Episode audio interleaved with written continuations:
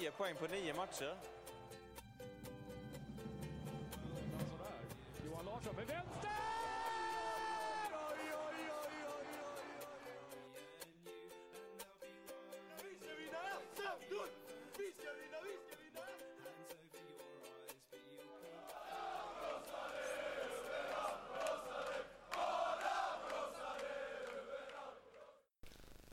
Ja, Kim.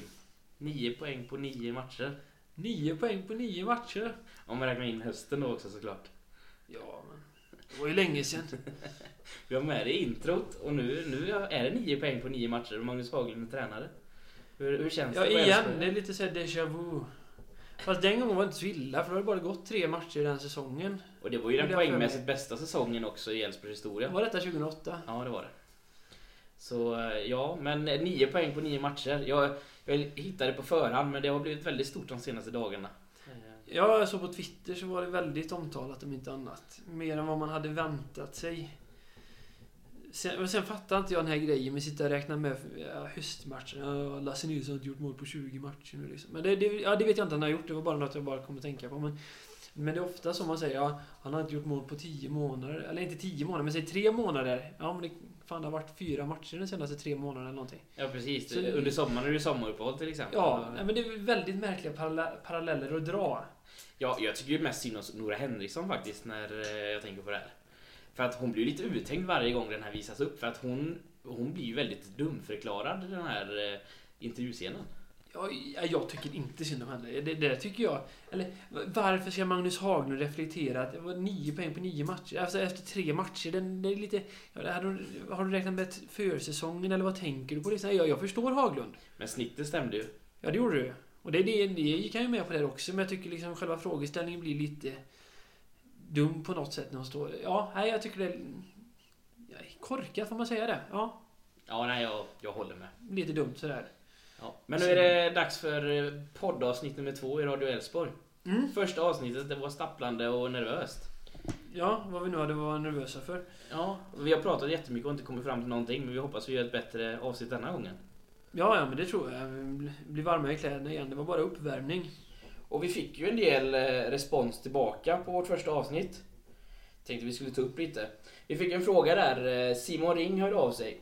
Han undrar om jag ville ha tak över fotbollsarenorna. Jag menar ju självklart att man vill ha tak över bortasektionerna.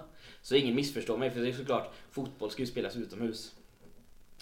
Eh, vi fick också från Peter Adestedt och Mattias Elofsson eh, kritik för vår ljudvolym.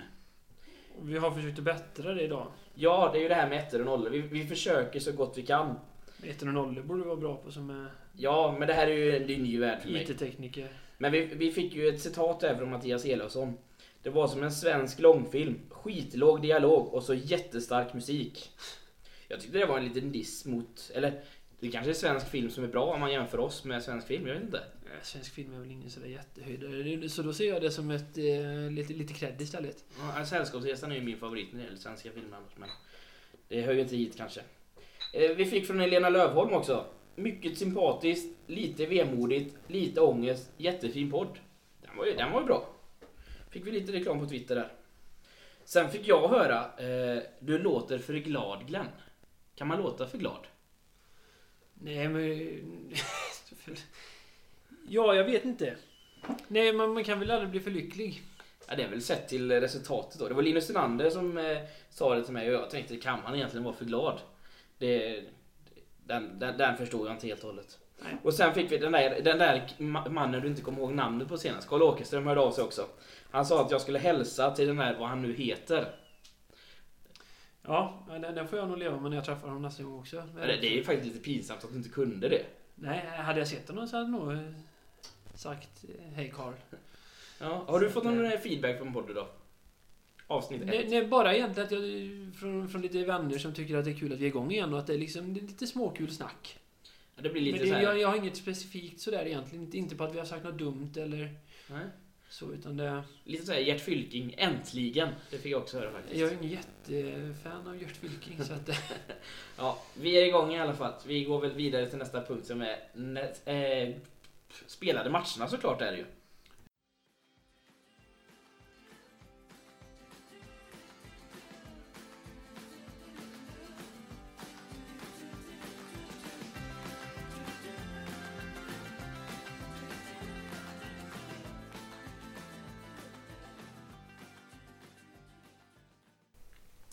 Förlust 2-1 mot AIK på Friends Arena. Vad säger du Kim?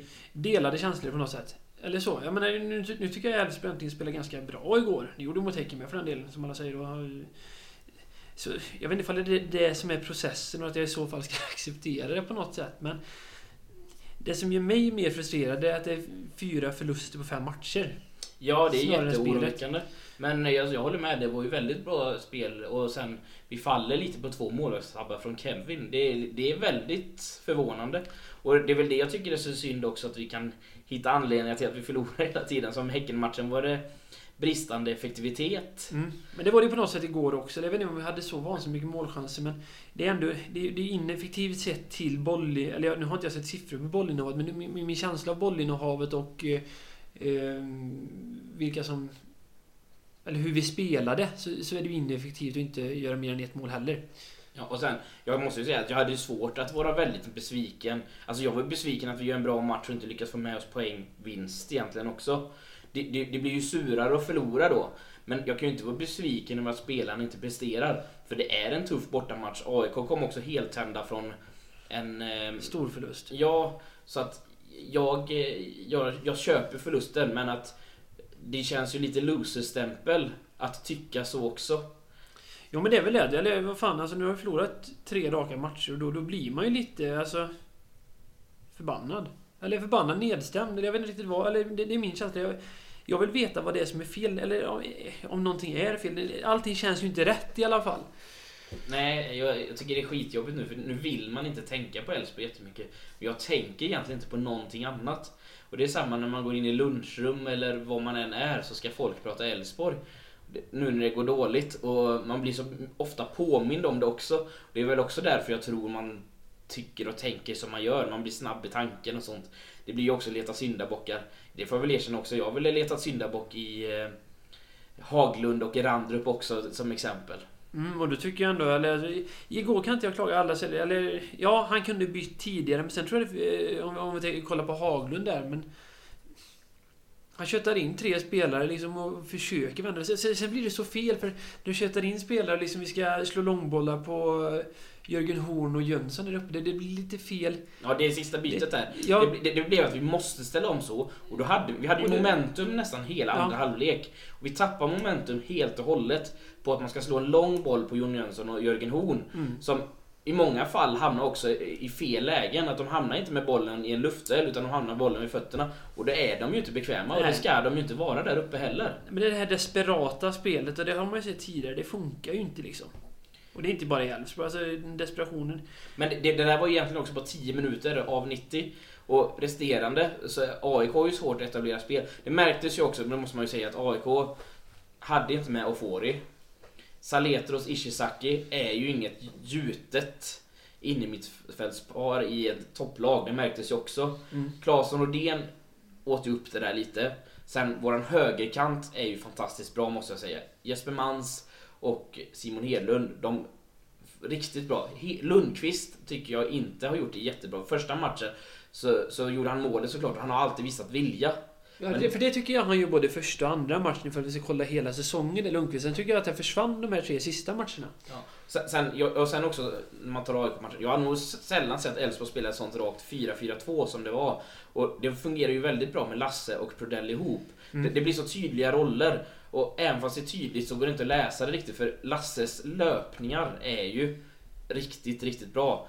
Sen, ja det är frustrerande ibland att se att Lasse springer in i motståndare och annat.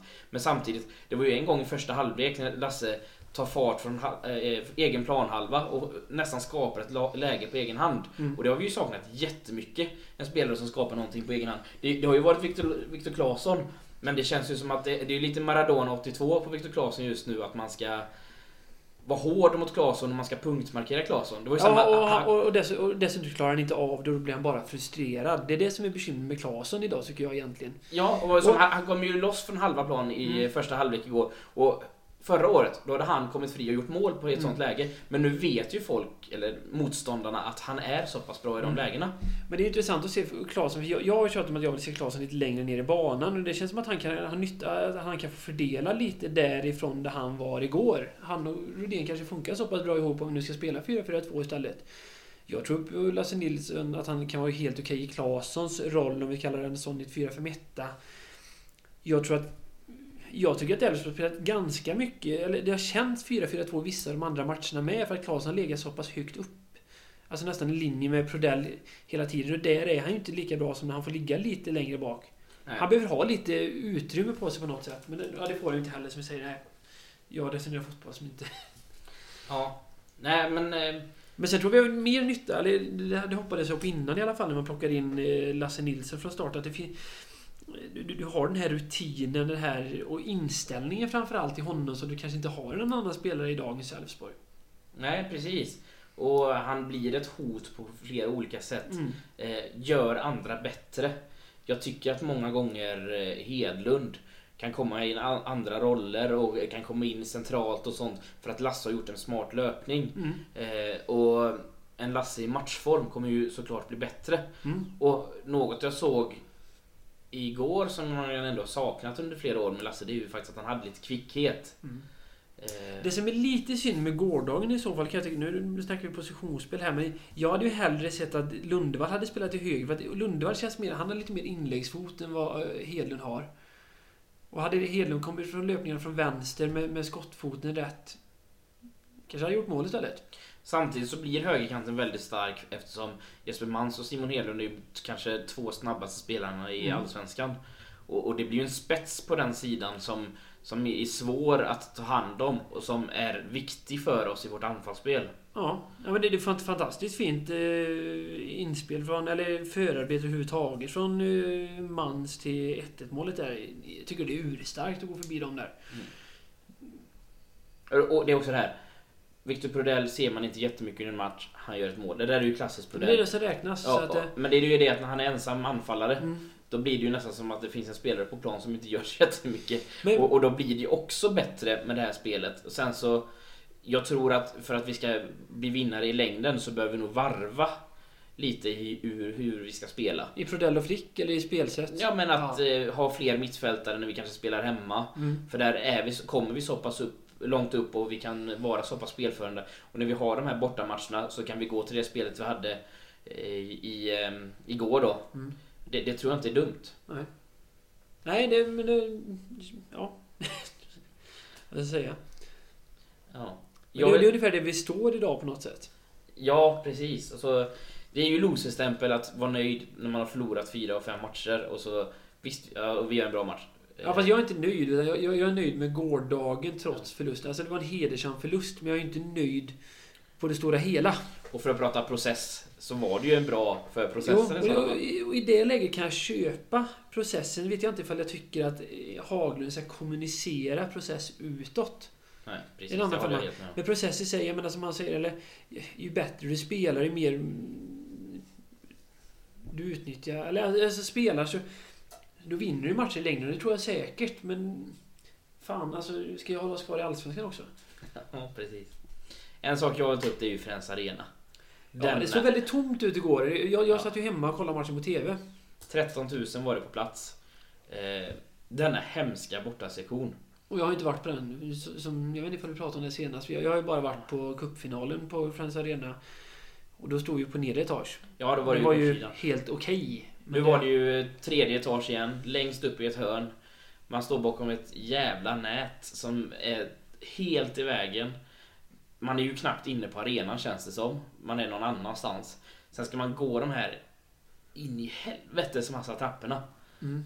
Tre våningar upp. Jag som är tjock, jag hade ett helvete att ta mig bara till matchen. Och det finns inte en chans att du kan höras. Det finns inte en chans att du kan synas. Och det, även om du har ett stort bortafölje som Malmö, eh, Blåvitt och de kan ha. Så, så du är ju inte ens närvarande då. Man är bara i, upp, alltså i ett hörn. Det är helt sjukt. Och spelarna efter, det var ju nästan så att de glömde av oss av den anledningen att de visste ju inte ens att vi var där kändes det som.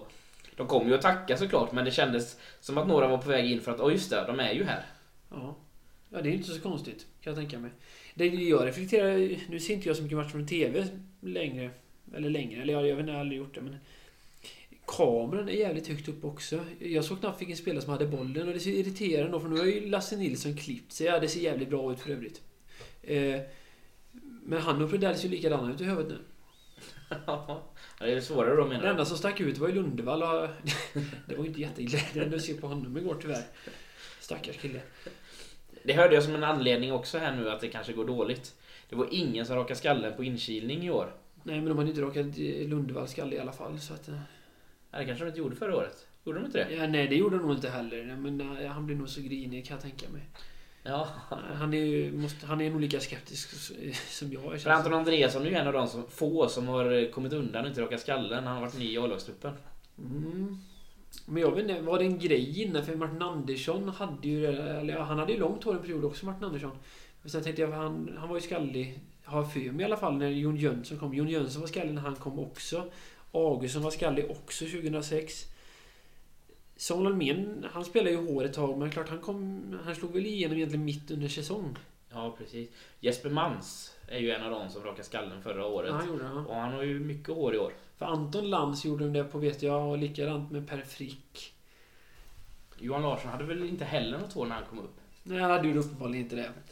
Nej, han, för första matcherna så spelade han ju utan och sen så hade han ju mer hår efter. Ja, några år senare var det ju egentligen. Eller ja, det växte väl ut under året helt enkelt. Ja. När han gick till Elfsborg hade han väldigt långt hår. Ja, Det var lite ny pannbandsliga i han, Jesper Florén och eh, Niklas Hult där ett tag. Ja. Ryktades som. Men det, det, det kändes ju lite så om inte annat att det skulle kunna bli en pannbandsliga. Sen gick det ju sådär för Jesper Florén som visserligen är ordinarie vänster, eller högerback, Högerback, i ja. Gävle. Eh, idag. Och de här andra nya, det är ju Victor Nilsson som har rakat hår då egentligen. Av de som, fast han var med förra året. Ja, precis. Han ser ut lite som eh, Voldemort. Ja, ja, han pratar lite lustigt tycker jag. Ja, nej, jag har bara sett några få Det intervjuer. kan ju inte heller rå för så att det... Ja, en till konstig sak som kanske gjorde att vi förlorade. För jag träffade Djurgårdens SLO Lena Gustafsson Wiberg igår på matchen. Hon sa det att man kan inte vinna på Friends Arena om man har röda strumpor. För jag vet inte, om du minns det förra året så hade vi ju vårt gula ställ fast med röda strumpor. Och Djurgården förlorade alla sina derbyn i röda strumpor på Friends Arena. Men har de testat i annan färg i Djurgården? Jag vet faktiskt inte, men hon berättade i alla fall och det låter ju helt klart rimligt för mig. Och då kollar jag också upp det här med allsvenska tabellen. De tre lag som ligger sist just nu, det är Häcken, Falkenberg och Elfsborg. Så att det är de tre gula lagen som ligger sist och det är också rätt så talande. Då tänker jag på att det är tillfälligheter istället. På tal om att vi ligger eh, sist tillsammans med Häcken så börjar jag fundera på, får man trada tränare så som. Jag menar, hockey tradar ju spelare i NHL. Du sa väl det när vi träffades i helgen att du hoppas att Häcken går så dåligt så att eh, Gerhardsson blir ledig som tränare så vi kan ta honom. Nej men jag tänkte att han, han och Haglund kunde byta jobb för det, men det går lite knackligt för bägge två just nu. Fast du gillar ju egentligen bara Ger- Gerhardsson för att han gillar musik. Ja, men det spelar ingen roll. Han verkar vara en skön gubbe. Överlag, men dessutom var han på Krunegård eh, på Sagateatern här i Borås eh, för, för några månader sedan. Och när vi såg Nationalteatern och Hällkvarn för några år sedan så var han där också. Ja, det såg ju jag också. Ja. Ja. Jag hoppas han gillar Winnerbäck också. Jag menar, då är det liksom... Ja. Nej, men det är bara kör. Gerhardsson Jag är inte jättemycket för att byta tränare mitt under säsongen för att då får man ha någon sån här halvdan emellan. Eh, Nu kan vi inte kalla Ingesson för halvdan kanske, men, men det blir ju ofta nödlösningar. Kolla, men Tänk om vi kommer i en sån tränings, tränarkarusell som vissa av lagen som byter liksom tränare en gång eller två gånger om året eller varannan, varannan säsong. Jag menar, det är inte sådär hållbart. Jag menar, Grönhagen var ju sina, var det två år? Och Bea, han var några år till visserligen. Ja, länge lever BH. Ja, Det blir nog bra det. ja. På tal om hår och tränare.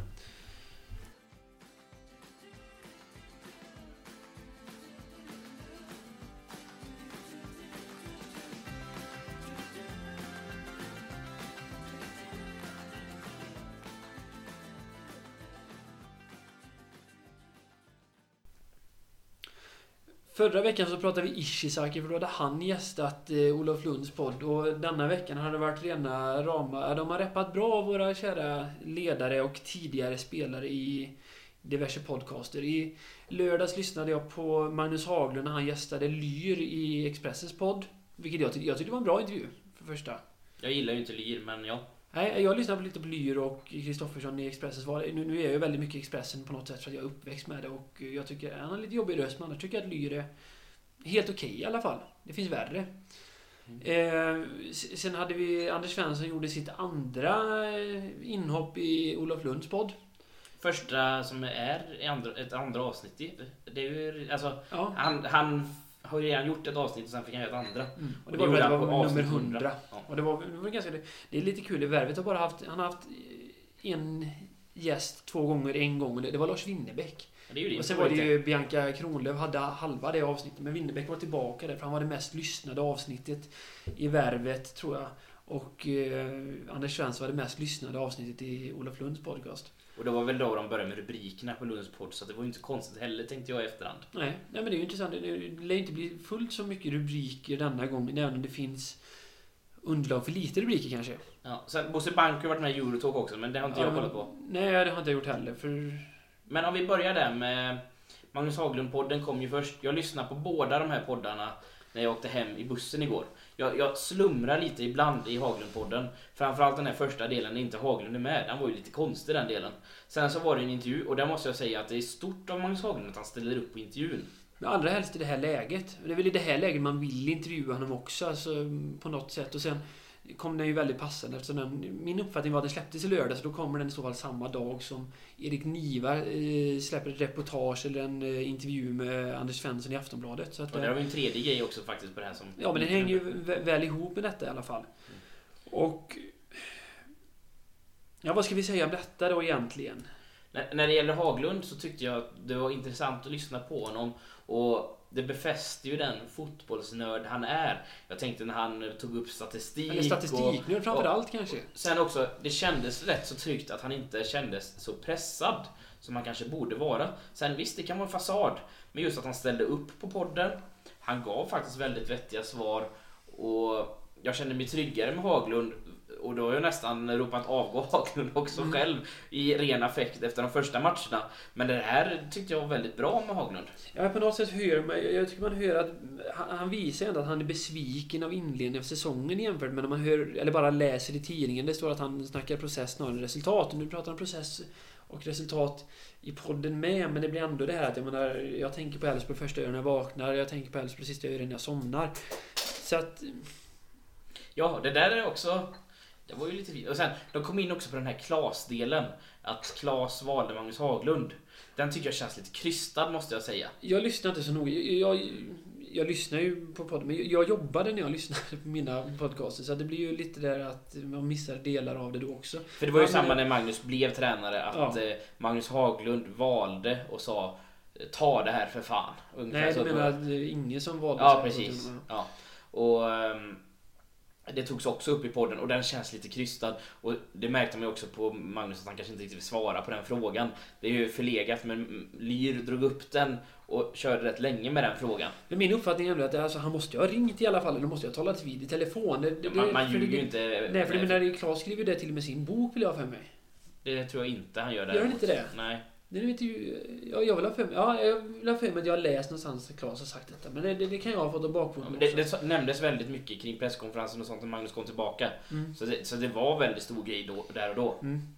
Och ehm, ja, det var, det, den tycker jag var lite sådär. Det var där jag nästan somnade lite och det var ju klockan ett i en bussresa. Vi var väl utanför Jönköping eller någonting när jag lyssnade på det också. Mm. Ehm, Men eh, sen så nämndes ju det här med Anders Svensson.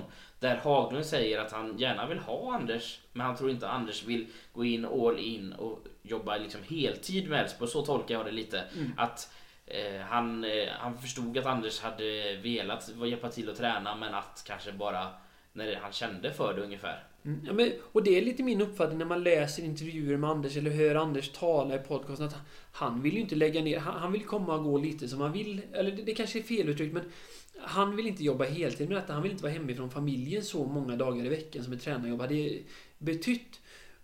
Och då tycker jag, då vet inte jag som, om jag som chef, eller chefstränare hade velat det beror på vad man vill ha ut av sina tränare. Vill du ha en hjälptränare som kan jobba halvtid? Ja, men då hade det varit klockrent egentligen. För jag, jag tror att Anders Svensson kan vara nyttig i truppen av flera anledningar. Dels att alltså, få lite det här jävla anammat. Alltså, att han kan sprida vidare det Klas kanske gav spelarna på sin... När han var tränare, att han... Ja, de gav det lilla extra. För liksom, eh, de vet vilken kämpe han var på planen. Eller den här krigaren, Ingesson, dessutom när han sitter där då med kroppen full med cancer och, och leder Elfsborg. Att, att man, man... Det finns... Eller ja, fan, lite, lite jävla kämpaglöd. Och det tror jag kanske Anders hade kunnat vara nyttig med i laget, även om det kanske bara hade varit i U19 och U21. Jag vet inte. Alltså det, det kanske är där han ska vara med och utveckla mer, snarare än i ett A-lag där du har fullfjädrade fotbollsspelare som högavlönade och bortskämda. Om man går till Anders Svensson-podden med Olof Lund så tar ju Anders själv upp det när han hyllar Hamrén faktiskt helt plötsligt kring att Hamrén var bra på att ta upp videosekvenser på spelarna och kunde påvisa någonting som man tyckte spelare gjorde fel. Anders tog ju själv upp exempel att eh, Hamrén tyckte att Anders brukade hamna för långt ner i banan när han, när han var mittfältare. Mm. Och han tyckte att Anders skulle gå uppåt i banan. Vilket Anders aldrig höll med om. Men så tog Hamrén och visade klipp på det här och påvisade att det här måste du fixa i ditt spel. Och då höll ju Anders med till slut. Mm. Och det där var en metod som Anders Svensson tyckte var bra, framförallt på unga spelare, som han tog upp. Och, men det kändes väldigt specifikt, men han pratar mycket om den metoden, att det är så han vill jobba med ungdomar. Och det är såklart han vill jobba rent praktiskt på planen också. Men han var väldigt mycket att prata om den grejen.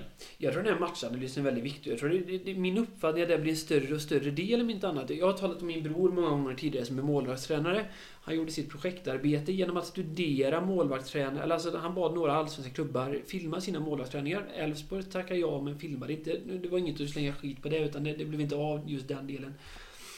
Och sen skulle Linus sitta och analysera eh, matcherna och se vilka sekvenser tränar vi på? Vilka sekvenser utsätts målvakten för på match? Alltså det är lite samma sak. Det, det känns ju ganska... Alltså att anpassa träningen utifrån vad, vad man gör på plan. Nu var det lite annat snack, men det, Hamrén visar på vad han vill att, ha ut av Anders, vad han gör bra. Och det min bror höll på med då, det var ju snarare det att de ska träna det de gör på plan. För det var lite snack om det. det snackade inte Anders där om Lennarsson när de tränar anfall utan försvar också, vill jag ha för mig? Jo Lennartsson. precis, att det var 10 mot 0. Och där var ju också Anders väldigt självkritisk, att han hade skällt ut ehm, Jaha, Lennarsson inför folk. Och det, det, det. Och, och det var ju självkritiskt nu i efterhand. Att det var inget han tyckte var bra. Och sen så, han menar ju att det här är ju, vem utvecklar det här? För det utvecklar ju inte Anders uppenbarligen på Nej. övningen. Men det hade ju Anders förstått i efterhand att det utvecklar kanske någon annan. Mm.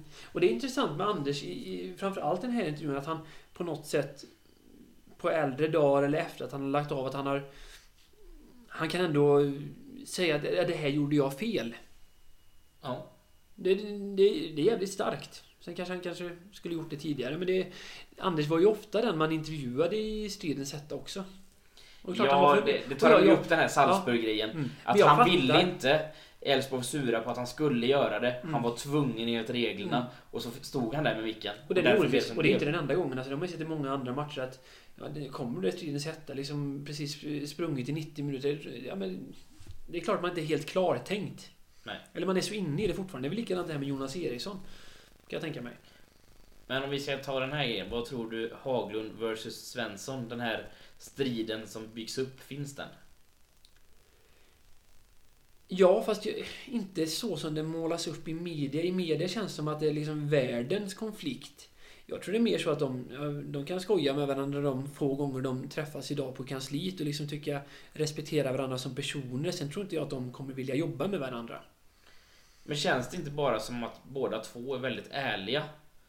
Och, och vi är inte vana vid det och därför blir det som en, alltså en schism. Mm. Och det är ju samma, alltså man tänker Anders Svensson har alltid varit extremt ärlig. Och då blir det en schism kring Jörgen Lennartsson. Och ja, det ligger saker bakom det att han är en jobbig person. Det, Mm.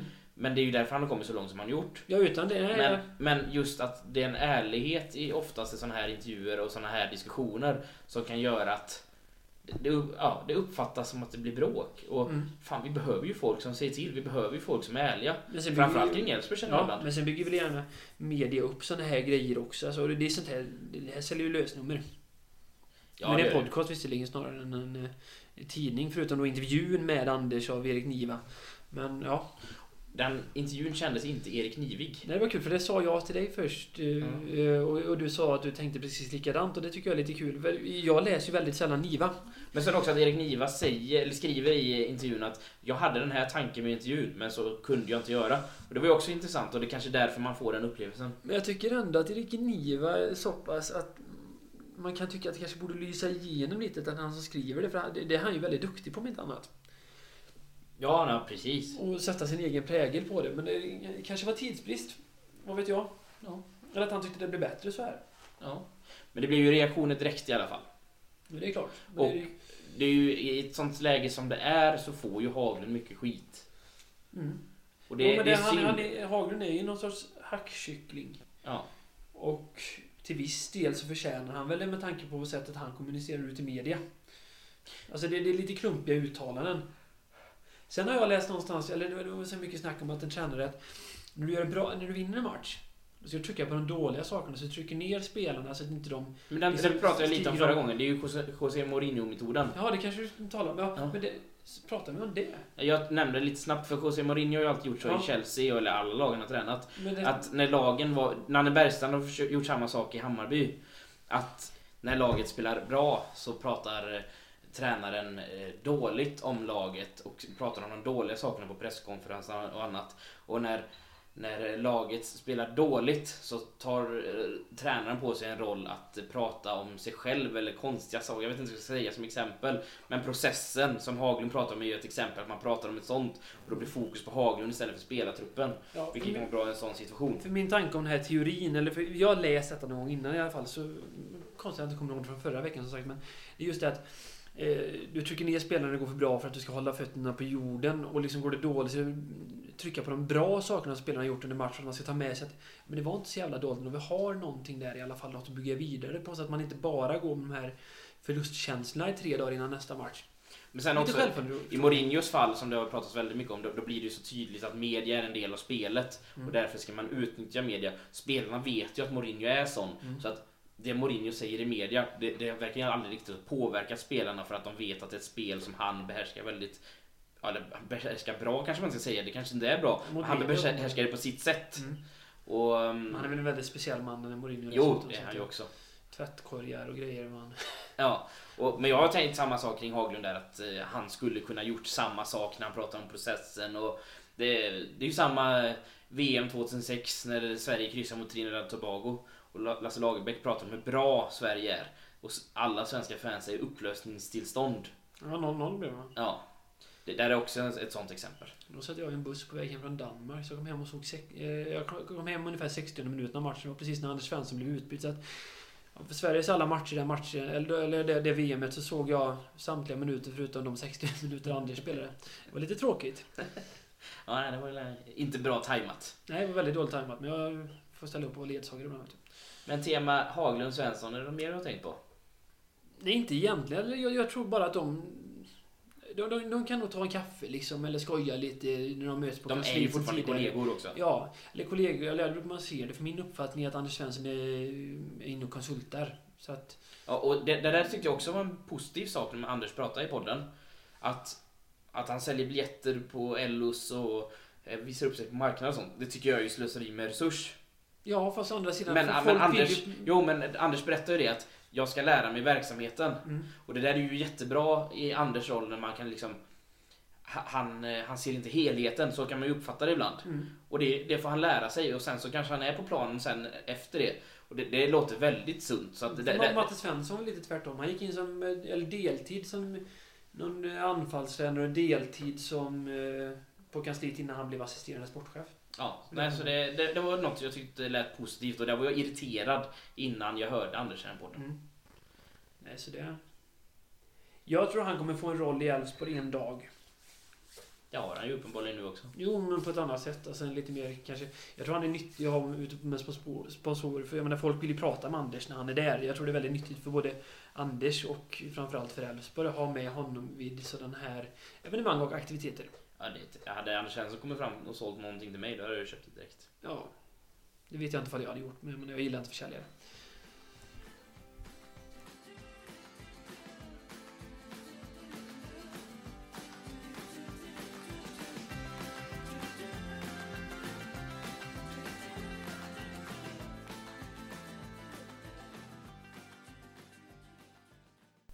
Och över till eh, nästa matcherna. Ja, nu blir det två, två matcher innan vi kan hinna spela in ett poddavsnitt och det är Djurgården hemma, Falkenberg borta. Mm. Det är lustigt det här egentligen. Jag menar, första veckan av Allsvenskan har vi tre matcher på en vecka. Sen dröjer, liksom går det en vecka mellan matcherna. Alltså både Kalmar-matchen och eh, AIK-matchen då. Och nu är det helt plötsligt tre matcher på en vecka igen. Ja, Man kunde ju fördelat om det lite kan jag tycka. Och det märks att det pressas in i spelschemat överlag. För nu kör de här 18-30 matcherna under veckoomgångarna. För det ska vara ju Champions League och Europa League och allt vad det är. Och, så att det kändes ju konstigt för oss när vi hade den eh, söndagsmatchen först och sen så måndagsmatch var det väl som gjorde att det blev så långt där. Mm. Så. Ja, det blev lite extra. Det var åtta dagar egentligen. Så att det... Men sen eh, återigen, jag tycker att vi möter Djurgården i fel läge. Du menar att vi skulle möta dem efter deras tre raka vinster? Ja, det beror på hur man ser det, men eh, deras ma- derbymatch mot Hammarby är ju inte en vanlig match. Den kan du inte klassa som en vanlig match. Nej. Och eh, de känns nog som att de skulle kunna vara taggade. Jag vet inte, har de haft någon match efter derbyt? Jag, vet inte vilken omgång... var- det derbyt som Kevin Walker missade? Han missade ju en Ja, match, sen var han med matchen efter vet jag. Ja, men då har de ju haft en match mellan och den vet ju inte jag hur det har gått i sådana Men det fall. var lite pinsamt. Ja, vet du det? Nej. Jag vet att de förlorade. Ja. För de har två raka förluster i alla fall. Det, så, det var inte J Södra de mötte och förlorade mot eller någonting. då. Det här är väldigt pinsamt. Ja, men nu... Men eh, i alla fall eh, för att prata Djurgården och det jag har sett så eh, tycker jag att Sam Johnson och Mattias Ranegi är ett anfallspar som jag tror att vårt försvar kommer att ha problem med. Sam Johnson är en, har haft en bra start på Allsvenskan. Kommer vara med i toppen av skytteligan. Snabb, gör mål. Ranege är stark och har ett facit sedan tidigare där han har varit, alltså gjort mycket mål. Eh, jag tror det blir en utmaning. Ja, men jag tycker Horn har taggat till lite nu. Alltså, jag tror han gillar att spela mot bra anfallare. Jag vet inte, jag tyckte... Jag reagerade inte något speciellt igår mot Carlos Strandberg sådär. Och sen om vi ska kalla Carlos Strandberg en bra anfallare, inte än. För det kommer han väl antagligen bli. Men killen är 20 år och har ändå tre säsonger i A-lag på, på elitnivå. Och, eh, men likadant mot Rosenberg tycker jag att hon gjorde en bra match.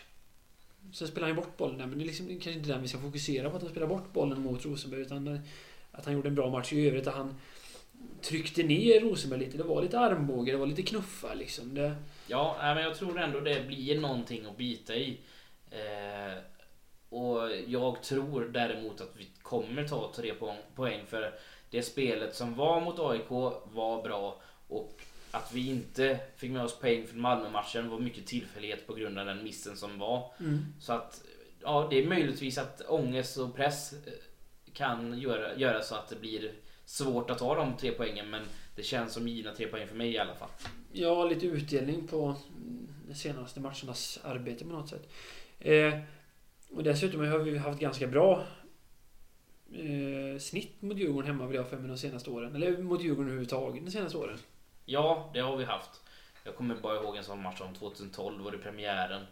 Anders Svensson hade show.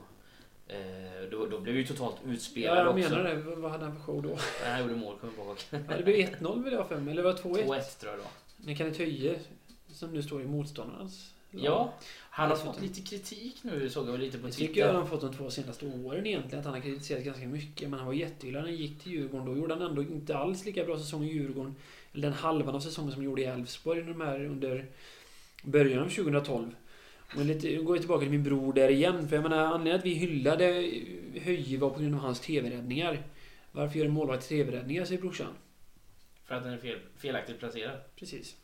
Ja, nej, jag Så säger att, inte emot. eh, det, det var mycket det, tv-räddningar. det, Därav är eh, Ellegård en bättre målvakt än Höje, säger min bror. Men det där har jag ingen åsikt om för att jag, jag det där förstår inte jag. Men det låter ju bra. Det finns en annan gammal Elfsborgare i Djurgården i Amadou Javo som har bänkläge där, där återigen. Ja, det är lite synd. Javo är en spelare jag gillar.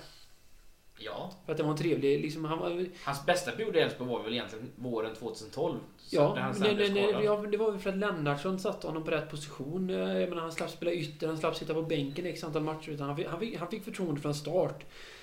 Eh, Han var ju liksom på något sätt Lennartssons första favoritspelare i Elfsborg när han började gilla Rodén. Ja, Tror jag. Eller han gav honom förtroende. Jag tyckte han gjorde det bra ifrån sig. Sen gjorde han inte mer än två mål på de här 12 matcherna. Eller vad han, vad han spelade egentligen 2012. Men det, det verkar vara en jädra god gubbe tycker jag, Javo. Det, nu är inte jag den som hänger med spelarna utanför plan. Men, men den gången man satt och drack en öl. Och då, då var Javo skadad så han drack öl också. Så, så gav han ett, så att inte de här avgångssupportrarna Nej, där- men det blir ju gärna så. Men han är inte kvar heller, så det spelar ingen roll. Men han, det kändes som att han hade fötterna på jorden i alla fall. Ja. Alltså det var inte riktigt... Det var inga jävla diva-fasoner där inte. Nej. Men tror du vi spelar 4-4-2 mot Djurgården igen? Att vi fortsätter på det vi gjorde här nu senast? Ja, nu, av fler, ja, av flera anledningar. Jag är, inte, jag är inte säker på att vi spelar 4-4-2. Det kan lika gärna bli 4-5-1, men jag tror vi startar med samma spelare bortsett från Bayrami mot Lundevall som senast. För att Hauger verkar fortfarande vara, ha ont i skinkan. Såg du hans eh, citat på det här förresten? Nej, Han eh, har ju överbelastad i eh, skink... Eller rumpmuskeln stod inte det. sätesmuskeln då kanske. Ja men det stod rumpmuskeln i BT. Och så kommentaren var det känns skit. Ja. det var, den eh, BT-journalisten hade nog roligt när han skrev det. Jag tror det var David Axelsson. Och det, jag skrattade när jag läste det. Här. Ja, jag vet inte om jag läste det heller. Så, att så då, då, men, men då, jag kan tänka mig att Lasse kanske ligger lite mer släpande bakom eh, Prodell än vad han gjorde igår. Men eh, jag, jag tror att Lasse Nilsson fortsätter spela. Det hoppas jag. Ja, Han ju jag tror han behöver... Ja, dels för att han gjorde en bra match igår, men sen även för att jag tror man behöver honom på plan av tidigare nämnda anledningar. Att det är lite ledare i honom. Det visar lite vilja, liksom pusha på de här inte så unga spelarna, men i alla fall. Ja. Mm. Och på eh, söndag match mot eh, Falkenberg borta. På det här höga gräset. Anders Svensson nämnde det i Olof Lunds podd också att det är högt gräs där. Och nu eh, David Mito Ols, Nilsson, i, vad heter det, Norrköpings Norrköping. målvakt, blev skadad och skyllde på gräset. Och sa att det inte var inte det att han krockade ihop med Nilsson? Han sa att det inte hade hänt om det var konstgräs i alla fall. Och det pratades en del om att det var dålig gräsmatta. Ja, ja. Men Och- att det inte var konstgräs, det är också... ja, Ja, nej, jag vill ju ha naturgräs. det är lite annat fokus på det. Men det, den, den diskussionen tar vi inte idag. Nej. Men eh, vad tror du om Falkenberg borta? Ja, nu har ju de sin eh, store talang borta då också eftersom han skadade sig ihop med Mitov Nilsson. I samma- Ja, direkt efter målet så skadade han eh, skenbenet va? Ja, så han blir borta resten av sin allsvenska Han går säsong. till Brönnby sen. Ja, i sommar. Ja. Gustav Nilsson heter han va? Ja, ja. Falkenberg har ju börjat fruktansvärt dåligt annars. Vad är nu, nu slog de ju då Norrköping men i övrigt så har det varit rätt stora förluster. ja, men känns det inte som en typisk match vi förlorar då? Nej, jag vet inte ifall de, de har ändå varit lite på, lite på gång. Alltså nu, de fick ju kvala sig kvar förra året. Men eh, vi, vi är så mycket bättre än Falkenberg i år. Jag menar nu, Falkenberg har ändå haft några hyfsade spelare de tidigare åren. Alltså första året har du brö, båda bröderna VD, du har... Det är de andra året också va? Nej, Nej, det var förra året VD gick till. Helsingborg. Ja, det. Men nu har Kalle VD försvunnit till Helsingborg, likadant Adam Eriksson, alla gamla Elfsborgare. Mm. Eh, Så att... Det finns väl andra nyckelspelare än de med för den delen, men det... det, det jag menar, de tappar, när de gick upp i Allsvenskan tappade de han... eh, Vad heter han som är i Göteborg nu? Sitter på bänken där, från Åtvidaberg. Han gick du... Viktor Sköld. Ja, han gick du Ja. åt vid... Hamnade på bänken där. Elfsborgare också en gång i Ja, tiden. jo, jag vet. Alingsåsare framförallt har jag fått höra. Ja. Han spelade ihop med Marcus en gång i tiden tydligen. Eller ja, de kände varandra. Kings kompis. Ja, mina kompisar kommer ju höra mycket av. De få jag har. Ehm, ja, men han försvann där också. Niklas Eliasson försvann till AIK. Det är inte så många som har lyckats. Det är fantastiskt bra efter att han lämnade. Det var ju Anton Wede. Det var ju startspelare i Helsingborg förra året. Kalle Wede... Kalle Wede är ju den som start- startar nu. Ja, han, startat, han startade väl de två första matcherna och Okej. Anton startar den tredje. Det är Adam Eriksson i så fall som startar. Han är ju, en, han är ju en, deras svar på Johan Larsson. När det pratas om Falkenberg inför matcherna jag har sett i alla fall så pratar de om den här David Svensson. Och då pratar de oftare om honom att han har spelat länge i Falkenberg än att han är en bra Ja, fotbollsspelare. han hörde på hela resan. Men då har han ju Ja, ledaregenskaperna eventuellt istället. Ja, nej, men det, det är väl det jag tänker att det är väl ganska talande för det Falkenberg som finns i år. Det, jag vet ju att han Alexander Jakobsen var ju spännande när han kom inför förra året till Falkenberg. Det är ju den här dansken som en teknisk lirare som har spelat mycket vänsterkant om jag inte helt fel. Det är väl en av dem som det har pratats om. Gustav Nilsson missar matchen här nu. Då kan jag tänka mig att Hakim Araba får chansen igen. Han hade ju några bra månader under förra året. Tung- året, tung. Tung anfallare som också kan ställa till det för en... Kommer han mot Randrup så tror jag att han kör över Randrup. Vi ser vi inte Randrup mer igen. Men, men jag tror inte det ska vara kanske ett större hot. Nej, jag tror vi har, vi har så pass bra lag i år. Eller, det, eller även om vi kanske har sämre än förra året. Jag vet inte. Det ska vi inte sitta och rangordna här heller. Men Falkenberg har ett så pass mycket sämre lag i år än vad de hade förra året. Sen har vi så pass många dagar kvar till att matchen spelas. Och det är ju, eh, det kan hända mycket fram till dess också. Ja, ja, men vi kan få tre spelare skadade i matchen mot Djurgården. Så att, ja. Ja. Eh, Guliganerna storsatsar i alla fall. Vi hoppas att det blir mycket folk. Eh, har du sett var vi ska ha pubuppladdning någonstans? Eh, ja, men jag kommer inte ihåg vad det hette. Glens Sportbar. Alltså, jag tyckte det var vad, vad det var för två år sedan. Eh, Gustav Bratts. Ja, det var trevligt. Ja, vi försökte boka dem förra året. Men då hade Halmstad BK varit där och då hade det varit bråk. Eh, så att Gustav Bratts tar inte emot eh, supportrar. Vad var, ni, vad var ni förra året? Jag var inte på den matchen för då var jag i Ja. Alingsås av alla ställen. Förra året var vi på Abbas Hassans bror. Ja. Ali Hassan, hans pizzeria. igen. Men den är lite för liten så vi fick boka ett ja, i sista stund förra året. Mm. Eh, Kings Hill. Så att, då hade vi två ställen bokat men nu blir det Glens Sportbar. Mm. Det gillar ju jag faktiskt. Men det är ju mycket folk. Ja, jag, det, märks, det kommer nog märkas att det inte har gått bra för Elfsborg. Eh, Men jag hoppas såklart att det blir mycket folk. Mm. Spännande att se.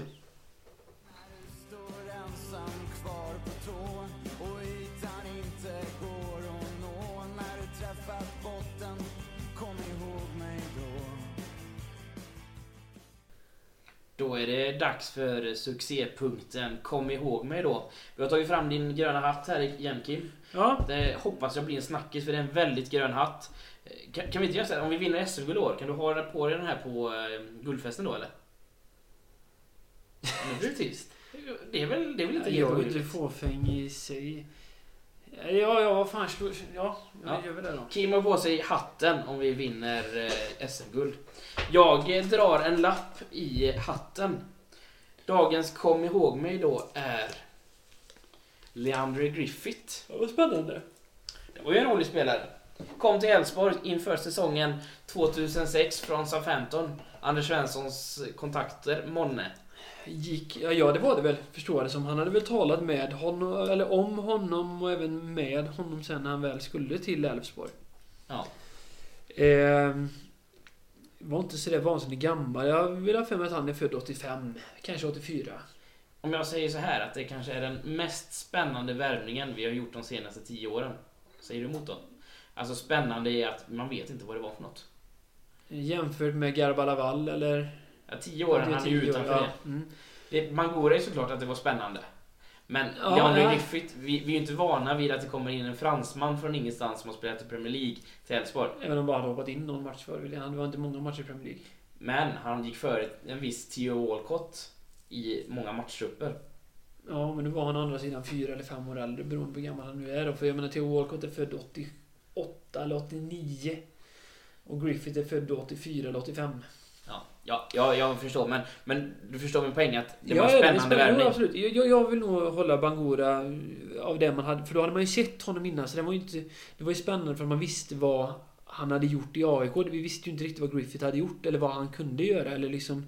Men han fick ju inte riktigt chansen egentligen. För menar, hur, hur många startmatcher gjorde han ens 2006? Inte någon, jag kommer bara ihåg eh, Hammarby hemma när han blev inbytt och gjorde mål där efter Samuel Holmén hade varit väldigt bra. Vi gjorde ju väl tre mål sista kvarten och Griffith gjorde det sista.